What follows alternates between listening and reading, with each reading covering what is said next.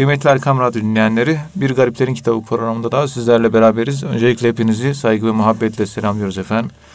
Bu programda muhterem hocamız Profesör Doktor Ethem Cebecioğlu hocamız bize tasavvufi şahsiyetlerin menakımından, hayatından ve hikmet sözlerinden bahsediyorlar. Muhterem hocam, bir önceki programımızda Fuday bin İyaz Hazretlerinden e, bahsetmiştiniz ve hikmet sözlerinden bahsediyorduk. E, dilerseniz oradan devam edebiliriz. Yani Fuday bin İyaz Hazretleri diyor ki fazla yeme, uyuma ve konuşmanın kalbi katılaştırdığını söylüyor.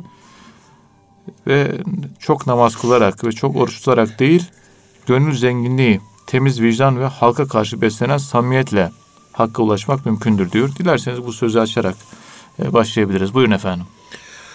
Euzu billahi mineşşeytanirracim. Bismillahirrahmanirrahim. Elhamdülillahi rabbil alamin. Ves salatu vesselamu ala rasulina Muhammedin ve ala alihi ve sahbihi ecmaîn. Ve bihi nesta'in. Vallahu galibun ala emrih. Efendim, Fudal Biyaz uyuma, fazla uyuma, fazla konuşma ve fazla yemek yeme. Kalbi katılaştırır. Bunlar kalbi katılaştırır diyor. Kalbi katılaştırır manası kalbin kilitlenmesi manasına gelir mi? Gelebilir. Öyle bir manası var. Evet. Kalbin katılaşması maneviyata duyarlılığın azalması. Evet bu manaya da gelir. Evet. Kalbin katılaşması katı kalpli insanlara biz merhametsiz kelimesini kullanıyor muyuz? Evet. Ha, demek ki en güçlü ifade tarzı katı kalpli insan yani merhametsiz insan. Merhametli insan katı kalpli olamaz. Merhametsiz insan katı kalpli olur. Evet. Demek ki çok uyku uyuduğumuz zaman merhameti kaybediyoruz. Çok uyku uyumak, gözler şişene kadar uyumak insanda kalp katılığı, kasveten diyor ya. Evet. Kalpler kalp merhamet. Yani merhametli olmayan kalpte vahiyim hiç duyuş, seziş olur mu? Olmaz. Evet. Bir kalp merhametliyse, duyarlıysa, entüisyonik olarak, sezgici, sezgisel olarak bir ayet okunduğunda hemen bir heyecanlanır. Kalplerimiz bir ayet okunduğunda, bir hakikat söylendiğinde heyecanlanıyor mu? Heyecanlanıyor. Heyecanlanmıyor. Evet. Heyecan duymak gerekiyor mu? Evet. İmanın bir yönü kalbin ürpermesi. Evet. Ürpermiyorsa o kalp katıdır, kasvetlidir. Ev eşeddü e, minel hicara. Taştan da katı olan kalplerden bahsediyor değil mi? Evet. Duygusuz insan. Duyarlı olmayan insan, duymayan insan, duyusuz insan, Evet. duyumsama, Allah korusun. içinde hissetme yani problemleri efendim söyleyeyim olan olayları içer taşıma ve içinde hissetme, içinde yaşama ve içinde onu bulma. Merhametsiz insanlarda bu yoktur. O olay tamamen kendisiyle alakası yok. Evet. Efendim söyleyeyim bir milyon Suriyeli ölmüş. Diyor, kalbinde bir sıkıntı duymuyorum, bir üzüntü gelmiyor diyor. Beni enterese etmiyor diyor. Peygamberler gelip geçtikten sonra süre uzadı, zaman uzadı. Evet. İnsanların kalpleri artık katılaştı. Evet. Hatta öylesine ki merhamet sahibi insanlar aldığın her nefesi Allah Celle Celaluhu Hazretlerine bir adım yaklaştın sayı. Dolayısıyla her nefesin hakkını ver ve vaktini de koru. Böyle bir yapı, böyle bir standart. Yani anı yaşamak meydana geliyor. Duyuşlu insan, kalbi katı olan insanlar anı yaşayamazlar. Evet. Geçmişe takılır. Gelecekte ne olacak der. Gelecek gelmeden önce altında ezmeye başlar. Bu şekilde merhametli bir insan anı yaşadığı için seziş anı yaşamakla alakalı süreçle ve prosesle alakalı olayları akış halinde yaşamakla alakalı bir keyfiyet olduğu için merhamet daha doğru, daha isabetli görüşler, daha isabetli anlayışlar, daha isabetli analizler ve çözümler sunar mı bu kalpler? Evet sunar. Evet. Veselu ehle zikri in kuntum la talemun. Yani Allah'ı hatırlayan, Allah'la ürperen, zikirle dolmuş, Allah hassasiyeti, merhamet olan kalp sahiplerine problemlerinizi açın. Bilmiyorsanız onlardan öğrenin. Onlardan öğrenin diyor. Onlar bilirler. Çünkü biliyorsunuz takva hahuna, hahuna, hahuna. Peygamberimiz göğsüne işaret ediyor. Takva burada, takva burada, takva. Takva bir heyecandır. Allah'ı yaşamanın vermiş olduğu bir huzur halidir. Evet. Allah'a yakın olmayı sevme psikolojisidir. Takva Allahü Teala ile kulun bütünleşme arzusunun bir ifade biçimidir. İşte bu ifade biçimleri içerisinde çok yiyenler, çok içenler, çok uyuyanlar, çok konuşanlar kalpleri katı olduğu için artık kalplerinin seziş gücü kalmaz. Sezgisi kalmaz Evet. Sezgisi yani heyecan, duyuş sahibi olmaz ve duyamaz, duyumsayamaz ve duygulanmaz. Hislenmez. Evet. Dolayısıyla yemeğin az denmesi lazım. Merhamete giden yolculukta. Az uyumak lazım merhamete giden yolculukta. Konuşmayı azaltmak lazım merhamete giden yolculukta. Ve Fudayl bin İyaz çok hassas bir balans ayarı, denge ayarı yapıyor. Bakın diyor ki, Hakka ulaşmak çok namaz kılarak değil, çok oruç tutarak değil, gönül zenginliğiyledir. Gönül zenginliği şu, hani ünlü İslam komutanlarından, Türk komutanlarından birisi, işte Kazanhan olabilir, tam hatırımda değil Evet. şimdi. Yüz bin kişilik bir ordusu. Hepsi kuvvetli. Şöyle bakıyor bakıyor gözleri yaşarıyor. Ya Resulallah keşke senin zamanında şu ordumla hazır olsaydım da sana hizmet etseydim diyor. Bak zamanlar yaşıyor değil mi? Evet. Gönlünden ne güzel şey geçmiş. Bak zengin yani. Evet. Param olsaydı da şu gençlerin evlerini ben düzseydim.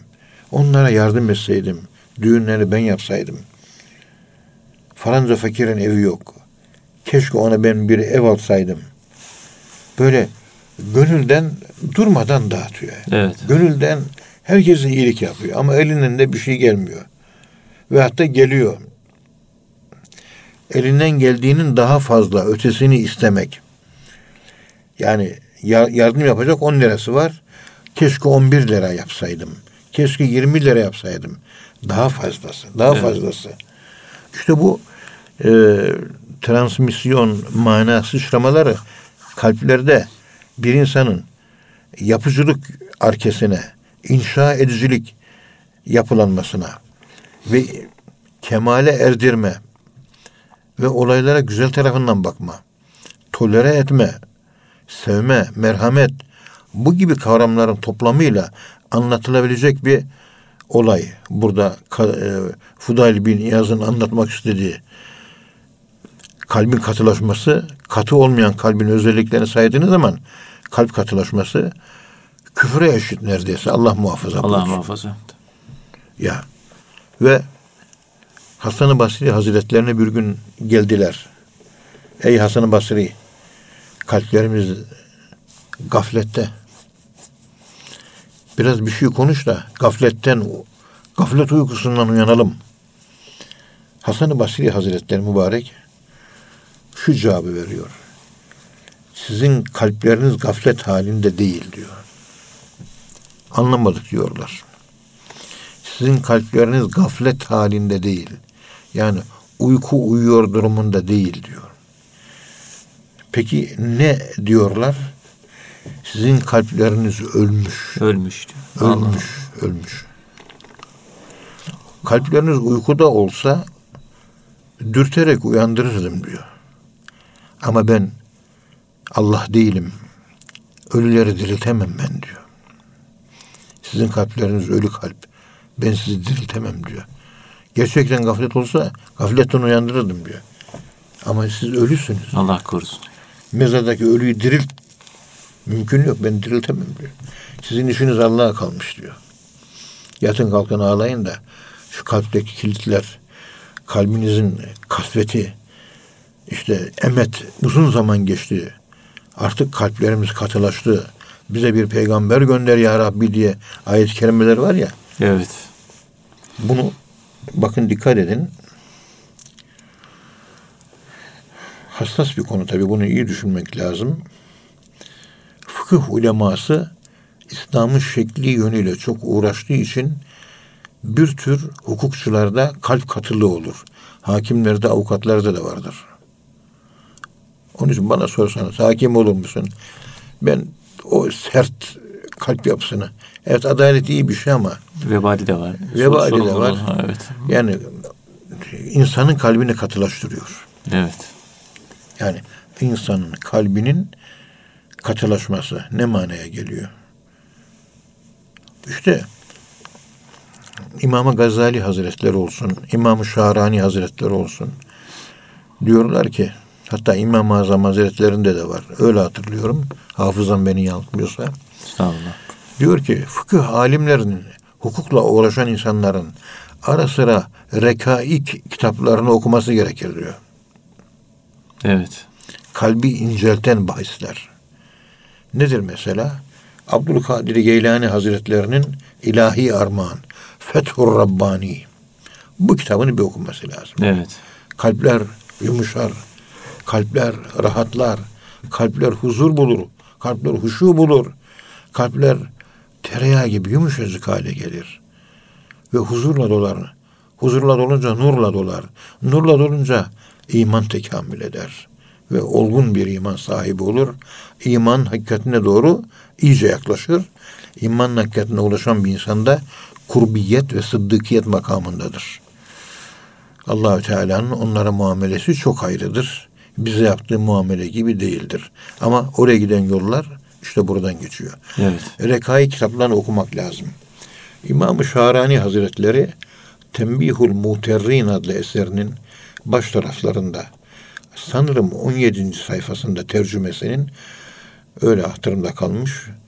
Diyor ki biz Mısır'da yaşayan alimler haftada bir defa ulema cuma geceleri akşam namazında toplanırdık bir arkadaşımızın çatısında. Evet. Ve orada böyle Kur'an okurduk, hadis okurduk. Ve ölümle ilgili ayetleri, ölümle ilgili hadisleri okurduk. Ölümleri anlatırdık. Ve orada ölümle ilgili tasavvuf erbabının güzel sözlerini dinlerdik. Onların menkıbelerine oturduk. Kalbimiz katılaşmasın. Hisseden, sezen bir kalbimiz olsun ki okuduğumuz kitaplarda doğrunun ve hakikatin nurlarını, ışıklarını kalbimiz sezebilsin. Evet. Onun için sezen kalbi, hisseden kalbi, katılaşmamış kalbi muhafaza etmeye çalışır. Katılaşmasına engel olurduk. Cuma geceleri uyumazdık sabaha kadar. Ve her cuma gecesi bir arkadaşın evinde toplanırdık. Mısır'ın bütün alimleri gelir. 150-200 kişi sabaha kadar ölüm ayetleri, ölüm hadisleri, kalbi yumuşatan Allah dostlarının sözleri hep bunları okurduk. Hep bunu yapardık diyor. Evet. Bir gün sıra bana geldi diyor. Onlara böyle bir şerbet, bal şerbeti hazırladım. Gelen arkadaşlarıma diyor. Gecenin bir yarısı diyor. Baktım ki çatının hava sıcak olduğu için Mısır'da toplantılar gece çadırda yapılıyor. Çatıda yapılıyor. Çatıda yapılıyor. Böyle çörtenden, yağmur çörteninden damla damla su aktığını gördüm. Acaba yağmur mu yağıyor? Ben farkında değilim. Başımı kaldırdım. Şöyle bir göğe baktım. Baktım fakat ne bulut vardı ne bir yağmur var. Bu niye damlıyor? Yukarı çıktım baktım ki hepsi secdeye kapanmış. Hüngür hüngür ağlaşıyor. Gözlerinden yaşlar boşanıyor. Gözlerinden boşanan yaşlar çatının yağmur çörteninden damla damla akıyordu diyor. Evet. Yaşadığımız dönemde vahidçiyim, ulemanın hüngür hüngür ağladığını hiç gördün duydun mu? Yok. Ben yaşım 68 görmedim. Görmediğim gibi başkasından da duymadım. Bu devirde böyle alimler kalmadı. Gözü yaşlı alim kalmadı. Hep rasyonalist oldu. Hep kalbi ihmal ettiler.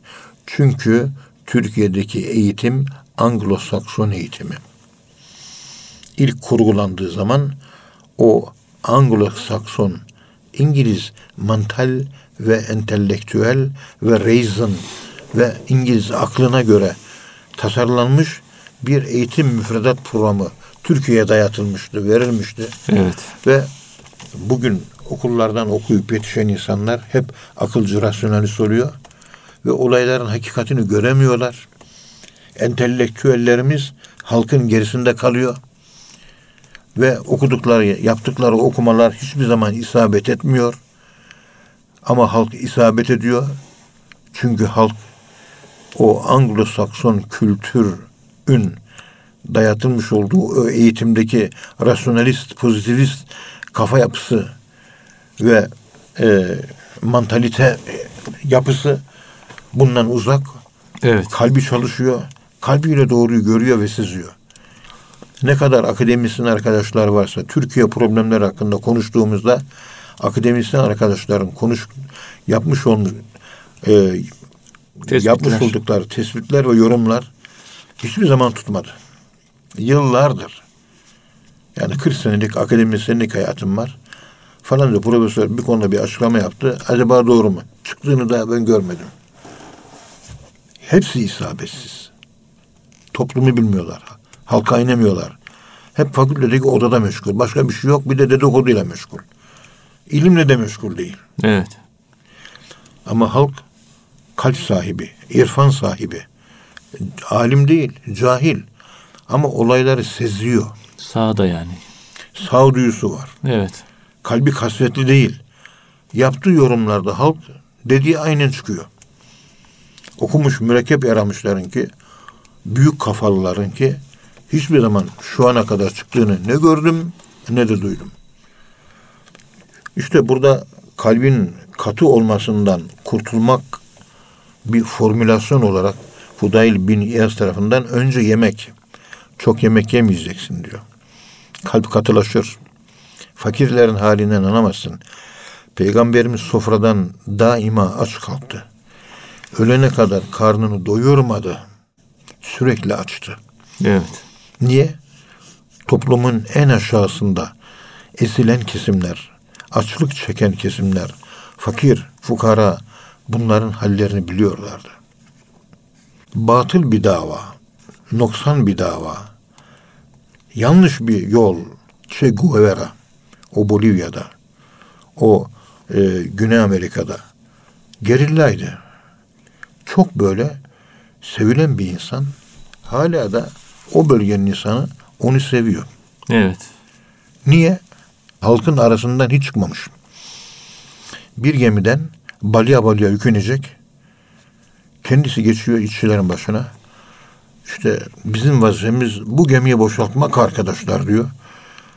Yüklerin altına giriyor. Hammallarla beraber hammallık yapıyor. Fırına giriyor. Fırıncıyla beraber yemek ekmek pişiriyor. Yol inşaatında elinde kazmak çalışıyor. Elinde kürek çalışıyor. Evet. Yani bizzat katılıyor, katılım var. Katılım olduğu için toplumun tamamı sevmiş. Bizden biri diyor. Arasında görmediğine toplum bizden biri demez. Bizden biri demiyor. Bizden biri kelimesini kullanmıyor. Evet. İşte öldürüldü CIA tarafından yakalandı bilmem ne oldu vesaire. O Güney Amerika, Latin Amerika halkı hala onun posterlerini taşıyor. Hala onun idealizmi var. Dikkat edin. Peygamberimiz sallallahu aleyhi ve sellem tabaştan beri fakir gibi yaşıyor.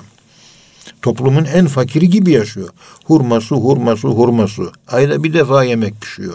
Ocağı ayda bir defa tutuyor. İstese ganimet mallarından elde edilen para cebinde çok. Ama gelir gelmez dağıtıyor. Hiçbirini kullanmıyor. Evet. Hazreti Ayşe annemizin dediği gibi esvedan, esvedan, esvedan diyor. Kendisine soru soran işte Abdullah İbni Ömer gibi zatlara hurma ve su, hurma ve su, hurma ve su. İki siyah yedik, iki siyah içtik biz diyor. İstese zengin yaşayabilir mi? İmkanı vardı. Yaşayabilirdi. Evet. Ama peygamberimizin kalp sahibi olması onun öyle bir hayat yaşamasına engeldi. Kalbi yumuşak olan insanlarda o tür bir hayat olmaz. Mutlaka kalbi yumuşak insan toplumsal hayata atlar. Bizim akademisyen kardeşlerimiz kendi köşelerinde otururlar. Halka obkürantist olarak tepeden bakarlar. Onları beğenmezler. Onlarla yayına gelmekten rahatsız olurlar. Öylesine ki falanca bir ilahiyat fakültesinde efendim bir yeni doçent olmuş arkadaş yeni doçent olmaya çalışan bir yarım doçent arkadaşına ben senin CV'ne inemem diyor. İlahiyat fakültesinde doçent adam. O da bana ağlayarak dedi ki hocam dedi benim dedi arkadaşım bu dedi. Ben de birkaç gün birkaç aya kadar ben de doçent olacağım dedi. Aramızda birkaç ay var dedi. Ben de onun gibi doçent oldum. Bu bana yüzüme nasıl bakacak dedi. Dervişlik terbiyesi lazım. Evet. Edep lazım, adap lazım. Kendini bilmek lazım, haddini bilmek lazım. Mahfiyet lazım. İşte kalp katı olunca bu gibi davranışlar, davranış bozuklukları ortaya çıkıyor. Maalesef. Bu örnek maalesef akademik dünyada o kadar çok yaygın ki yani somut örneklerini bulsak, çıkarsak herkes hayret eder. Bu yani bilen insanlar, alim insanlar, akademisyenler bunlar. Evet. Memleketin aydınları bunlar. Kendi mesleğini biliyor, alan körlüğü yaşıyor, sosyal olaylardan haberi yok. Evet. Yıllarca biliyorum böyle bir meşhur bir cerrah vardı. Ee, Cuma günleri yapmış olduğu ameliyatları özel muayenesi var. Muayeneleri işte 20 kişilik bir kontenjanı var. Tedavi eder, bilmem ne yapar, ameliyat yapar. Haftada bir gün para almazdı, bedava yapardı. Ne güzel. İşte kazancı çoğaldı. Zenginleşti. Daire aldı. Arabası var, villası var. Yürüyüşü değişti, sesi değişti, duruşu değişti. Konuşmasının tonu değişti. Şimdi artık o cuma günleri para almadan muayene yapma denen olay buharlaştı gitti. Yani kalbi katılaştı kelimesini kullanabilir miyiz? Evet. Efendim bu selef dönemi mutasavvıfları yani hayatlarını ben hepsini inceledim. Bunlarla ilgili makalem de var. Özel çalışmam da var. Evet. Profesör Reynold Nicholson'ın kronolojik esaslı tasavvuf tarifleri diye böyle bir makalem var. Reynold Nicholson bunu yapmış. Evet. Ben buna yeni bir yöntemle, yeni bir metotla yaklaştım ve sufilerin, erken dönem sufileri yani ashab-ı dediğimiz 80 civarındaki 80'e yakın sufilerin tasavvuf anlayışları nedir? Bir makale halinde Ankara Üniversitesi İlahiyat Fakültesi dergisinde 1984 ve 85'li yıllarda yayınladığımı hatırlıyorum size yani tarih olarak orada ve hayran kaldım. Bakıyorsunuz yapılan tariflerde Kur'an ve hadis elle dokunulur gibi. Yani tasavvufu anlatıyor. Zannediyorsun ki o duygu uyanıyor bende. Evet. Elimi Kur'an'a dokandım. Hissediyorum Kur'an'ı. Yapılan tariflerde. Bir tarif yapıyor. Peygamberimizin sünnetine, peygam- peygamberimize dokundum. Tam Kur'an ve sünnet merkezli ciddi bir tasavvuf anlayışı. Ve onun ruhuna da uygun bir tasavvuf anlayışı. Evet. İşte ilahi inayet, Allah'ın ilahi yardımı ve ihsan kavramları ön planda. Biliyorsunuz Allah'a giden yolda marifetullah siz Allah'ı değil, Allah sizi kendinize ne kadar tanıtırsa Allah size kendisine tanıttığı kadar siz Allah'ı tanıyabilirsiniz. Evet. Formülasyon budur. Efendim ben Allah'ı tanımaya tanıyamazsın. Aç kalırsın, susuz kalırsın, karanlıklarda zikir çekersin. Bu birinci adımdır. Daha geriye kaldı dokuz adım. O dokuz adım Allah'a ait vehbi bir kısımdır. Sen kesbiyat denilen üzerine düşeni yaparsan Allah da kendisine düşeni elbette yapacaktır. Evet. Muddin Arabi Hazretlerinin işte eserinde, bir eserinde gayb, gaybet bunu anlatırken şöyle söylüyor. Biz ibadette gaybete ulaşırız diyor. Gaybete ulaşmak Allah'ın evinin kapısıdır diyor. Bunu biz uğraşarak, çabalayarak Allah'ın izniyle başarırız. İyi kötü başarırız. Yani evin kapısına ulaşabiliriz. Gayb ve gaybet. Evet. Ancak bu kapı evin kendisi değil diyor. Şu kapıdan içeri açtık, içeri girdik. Daha birinci adım yok bir şey. Sadece gaybet kapıyı açtık, içeri girdik. İçeride evin sahibi Allah. Kapıyı açmak, o açılması Allah'a ait bir keyfiyet. Ama kapıyı gelip de çalanlara Allah kapısını açıyor. Evet. Allah cimri değil o şekilde. Kim çalarsa. Çalmayı muvaffak olmak namazda kendinden geçmek. Aklın ötesinde akıl üstü alana sıçramak. Akıl üstü aranda zaman ve mekan yoktur. Ölüm vardır. Namazda ölüyorsunuz. Allah da ölümün yani zaman ve mekan olmadığı bir alanda işte kapı o zaman açılıyor. Noktayı Süveyda kapısı. Peki ondan sonra ne var? Bilmiyorum. Ev sahibi Allah. Senin sabrını eksik buluyor sana sabır yüklemesi yapacak. Senin merhamet noksanlığı var. Sana merhamet yüklemesi yapacak. Sen de efendime söyleyeyim diyelim ki sersin sana yumuşaklık uyu verecek.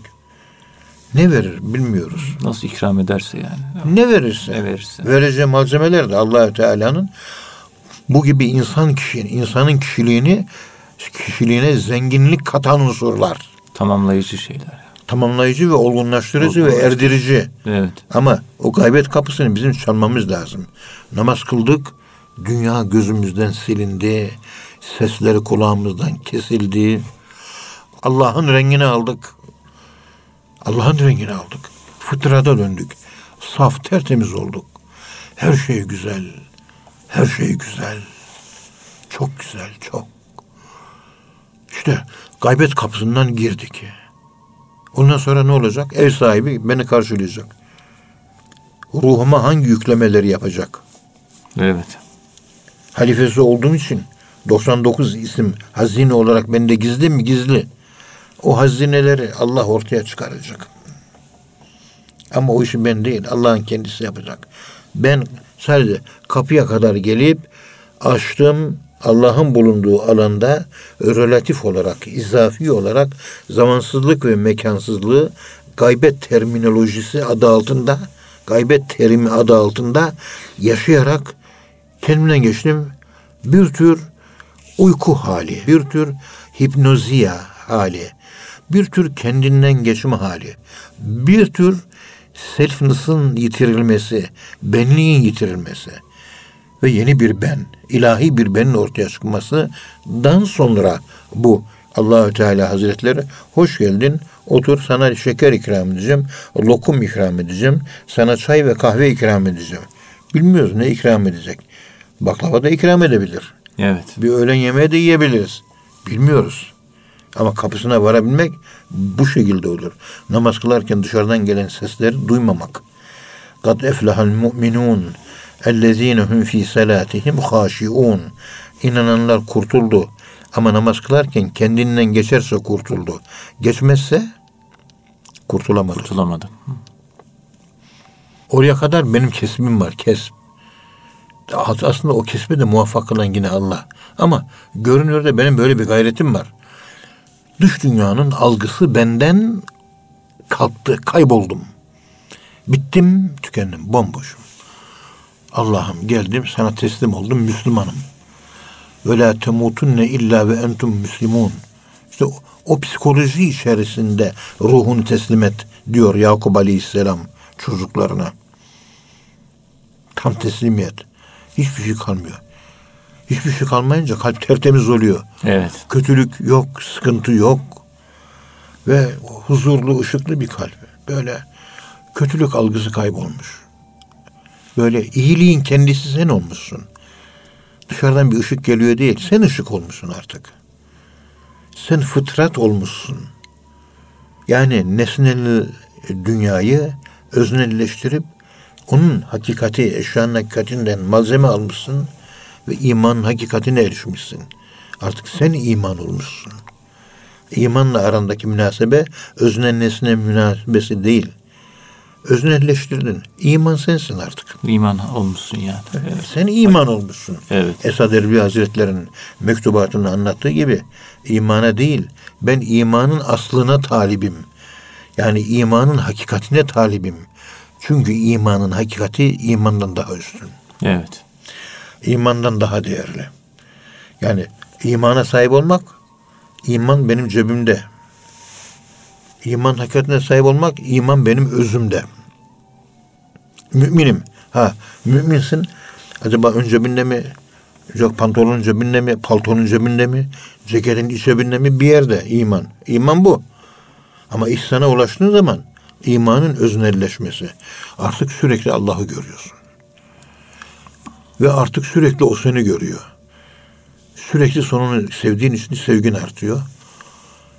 O seni gördüğün için takvan artıyor. Evet. Sen onu görünce sevgin artıyor. Ama o beni her zaman görüyor diye düşünmeye başlayınca en ta'budallaha keenneke terahu. Sen onu görüyorsun. Aşkın artıyor, imanın artıyor. Ama daha bitmedi ihsan. Ve inlem tekün terahu fe innehu yerake. O seni görüyor. O beni görüyor duygusu. O gö- beni görüyor bilinci, şuuru. Sende uyandığı zaman ne meydana geliyor? Görüyorsa biraz doğru dürüst davranayım. Görüyor çünkü beni. Yanlış söz söylemeyeyim. Yüksek sesle konuşmayayım. Kimseyi kırmayayım. Yanlış bir şeyler etmeyeyim. Beni görüyor. Bu da takva değil mi? Evet. Aşk, iman var. O imanın korunmasını bu takva sağlıyor. Allah'ı görüyorumu koruyan, Allah beni görüyor. Ben Allah'ı görüyorumu bu bir yükseliş değil mi? Bu yükselişte orada kalmamı sağlayan o, o beni görüyor bilinci. Evet. Ben onu görüyorum bilincini muhafaza ediyor. Takva aşkı korur.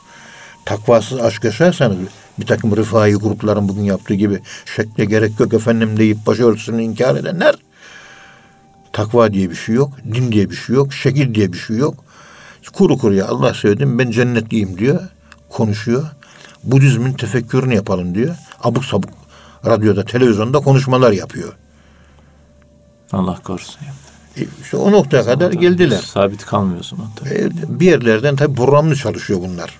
Allah şerlerinden muhafaza buyursun. Evet. Yani Ama İslam olmadan, Kur'an olmadan, şeriat olmadan, şekil olmadan, İslam'ın özü olmaz. Takva olmadan imanı koruyamazsınız. Evlenirken bile karı kocaya nikah kıyarken söylüyorum. Yavrucuğum birbirini seviyorsunuz. Geç sevgiyi. Sevgi zaten var ki evleniyorsunuz. Bana birbirinize olan saygıdan bahsedin. Biriniz saygınız var mı? El cevap saygı problem evliliklerde. Saygı yok. yok. Sevgiyi saygı koruyacak. O zaman evleniyorsunuz. Sevgi merkezli saygı mı esas? Saygı me- merkezli sevgi mi esas? Cevap saygı merkezli sevgi esas. Saygı merkezde olacak ya. Saygı sevgiyi koruyacak. Saygısız olduğu için sevgi erozyona uğruyor. Çok seviyor. Daha yeni işte bir boşanma olayı yaşadık. Mahkemeden çıkıyor. Boşanmışlar tamam. Hanım diyor ki ya herif diyor şimdi biz diyor seviyor kocasını. Yani aklımız bizim başımıza gelsin bakayım diyor. 35 senelik evlilikten 40 senelik evlilikten sonra sen benden ayrı yaşa ben senden ayrı yaşayayım. Efendim çocuklarımız da büyüdü 30 yaşlarına geldi evlendireceğiz vesaire. Ben senin kıymetini anlayayım sen de benim kıymetimi anla. Yani saygıyı kaybetmişler. Bu senin bana saygın kalmadı. Benim de sana saygım kalmadı. Saygı. Ama sevgimiz var. Evet. Ama saygı yok. Bunun üzerine karşı taraf diyor ki ya ben de seni seviyorum diyor. Ayrılmasak iyi olurdu diyor. İşte anlaşmalı ayrıldık bilmem ne vesaire. Bakıyor o da birkaç sene geçsin bakalım diyor. Tekrar birleşiriz. Yeni evlenir misin diyorum. Yok diyor yeni evlenmeyi düşünmüyorum. E, karısını seviyor çünkü. Seviyor. Hmm. Sevgi evliliği koruyamadı. Saygı yok. Aralarında saygı kalmamış. Yüz göz olmuşlar. Evet. Hanımına hürmet edeceksin. Hanım başımızın tacı. Onunla beraber mutfağa gireceğim ben. Onunla beraber ben bulaşığı yıkamam lazım. Konuşurken hanımefendi diyor konuşmam lazım. Saygılı konuşmam lazım. Evet. Saygısız davranmamam, saygısız hitap etmemem lazım. Egosunu, egosunu inşa etmem lazım. Değer verdiğimi ona hissettirmem lazım.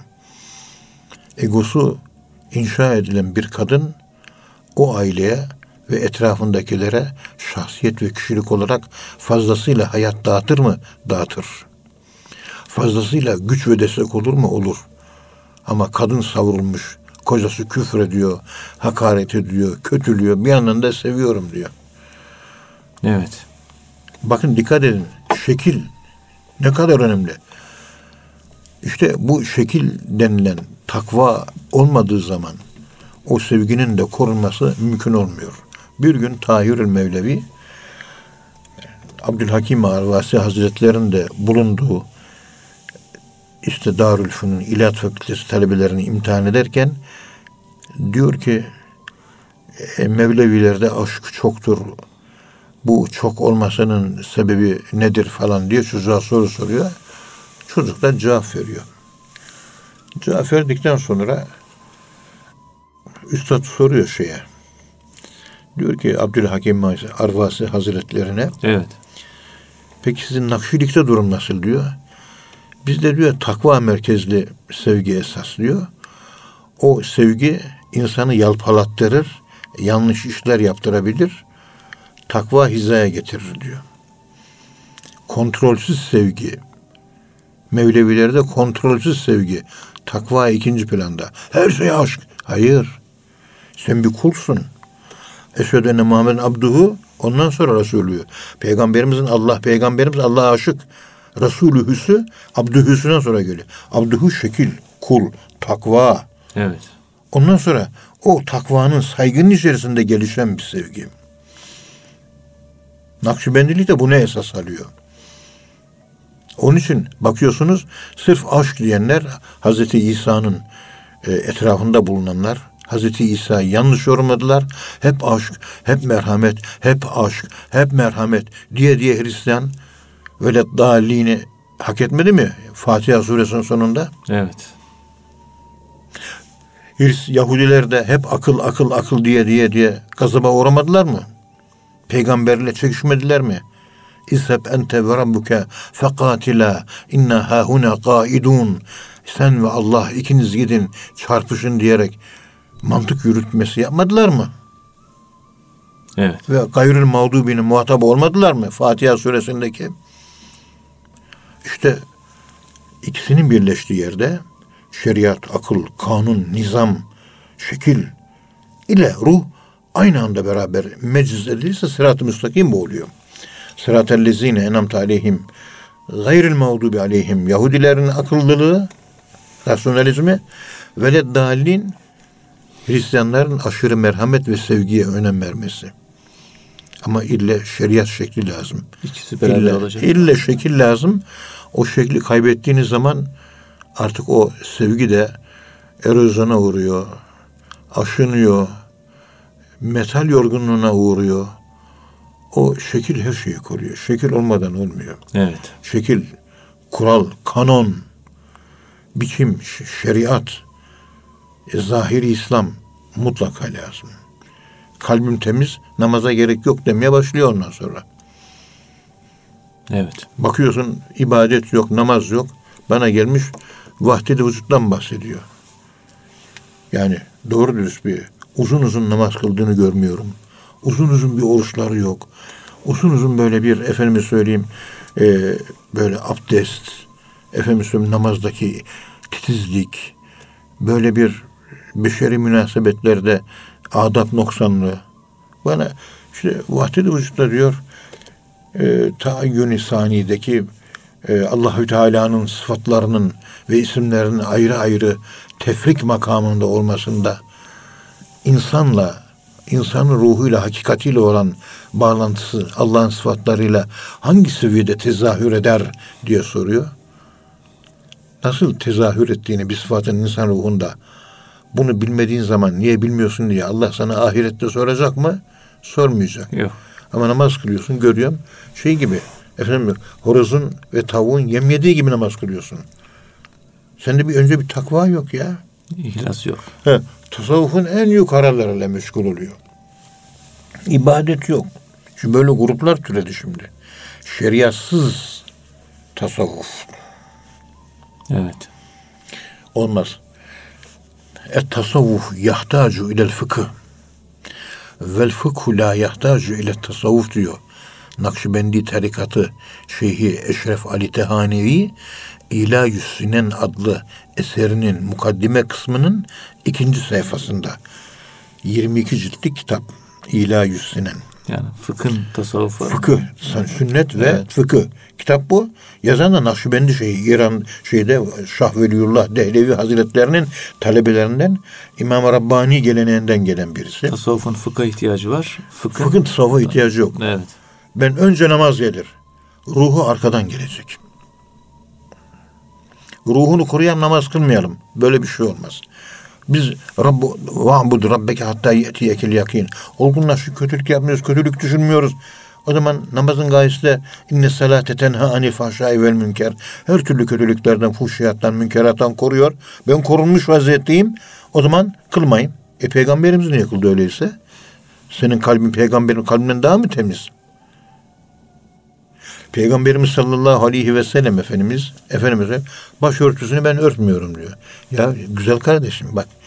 Peygamberimiz sallallahu aleyhi ve sellem Efendimiz'in hanımları yüz örtmek farz değil.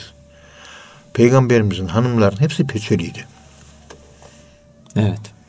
Hatta hanımlar peçeli olduğu için sokakta hanımlarından birileriyle konuştuğu zaman peygamberimiz yanlarından birisi geçtiğinde tabi yüzünü görmüyor, tanımıyor. Peygamberimiz hangi kadınla konuşuyor? Sahabelerden bir tanesi geçerken gel diyor çağırıyor. Bu konuştuğum hanımlar benim eşlerimdir diyor. Evet. Kalbine suizan gelmesin diye bu açıklama, yapma ihtiyacı. Yüzü kapalı yani. Ama olan Abdullah İbni Mektum geldiği zaman ey Ayşe perdenin gerisine çek. Çekil diyor. Ama görmüyor ki beni. Ama sen onu görüyorsun diyor. Peygamberimizin hanımları, kalpleri e, pisti. Onun için de başını kapatıyor. Kalbim temiz o zaman açabilirim diye böyle bir Kur'an'da hüküm var mı? Haşa. فَلْيَضْرِبْنَ بِخُمُرِهِنَّ عَلَى جُيُوبِهِنَّ İnanan Müslüman kadınlara söyle. İmanı olanlara söyle. Şu boyunlarından başörtülerini bağlasınlar diyor. Baş, başörtüsünü bağlamıyor. Tasavvuf satıyor. iman satıyor. Aşk satıyor televizyonlarda. Hep sattığı bu. Sende önce bir iman yok ya. Sen bir imanın var mı acaba? İman varsa başörtüsü olacak. Peygamberimizin hanımları kalbi senden daha temizdi. Başı kapalı değil. Yüzü bile kapalıydı. Evet. Yüzü, yüzü bile kapalıydı. Yani bizim yani konusunda çok şeyler var. Evet. Yani de- değer bazı şeyler. Ee, Cenab-ı Allah ve vada'al mizan. Allah ölçüyü koydu. Ella tuksirul mizan diyor ondan sonra değil mi? Ölçü. Ölçü, ölçüyü bozmayın. Ölçüyü bozmayın. ölçü bozulunca yani her şey bozulur. Hiç olmazsa hareketlerimiz yanlış doğru gidiyoruz. Eksiğim çok, günahım çok. Kendim ben ehlimi cehennem görürüm her zaman. Noksanım çok. Estağfurullah. Doğru düz bir mümin bile değilim ben kendi hesabıma. Ama bir şeriat denen bir ölçü var yahu. Onun için durmadan muhterem hocamız bak tefsir okuyun diyor. Hadis okuyun diyor. Efendim söyleyeyim ahlak kitapları, tasavvuf okuyun. Eksiklerimizi gidermeye çalışıyoruz. Ben de noksan bir insanım. Ben de yaş 68 hala düzeltmeye çalışıyorum. Yeniden eksiğim var benim de. Allah önce bana hidayet versin. Bu şeriat denen kriter, kriteyi kaybedersen ölçüyü kaybeden ölçüsüzleşir. Ölçüsüzlüğün de sonu yoktur. Yıkımdır bu. Bugün Amerika entelejansiyası yani oryantalizmi 1970 senesinden beri başörtüsü üzerinden başlayan ve daha başka alanlarda da olmak üzere pek çok oyunu Türkiye'mizde ve İslam aleminde sergilemeye çalışıyor. Amerikan ve Yahudi oryantalizmi diyorum ben buna. İngiliz oryantalizmi değil. Amerikan oryantalizmi.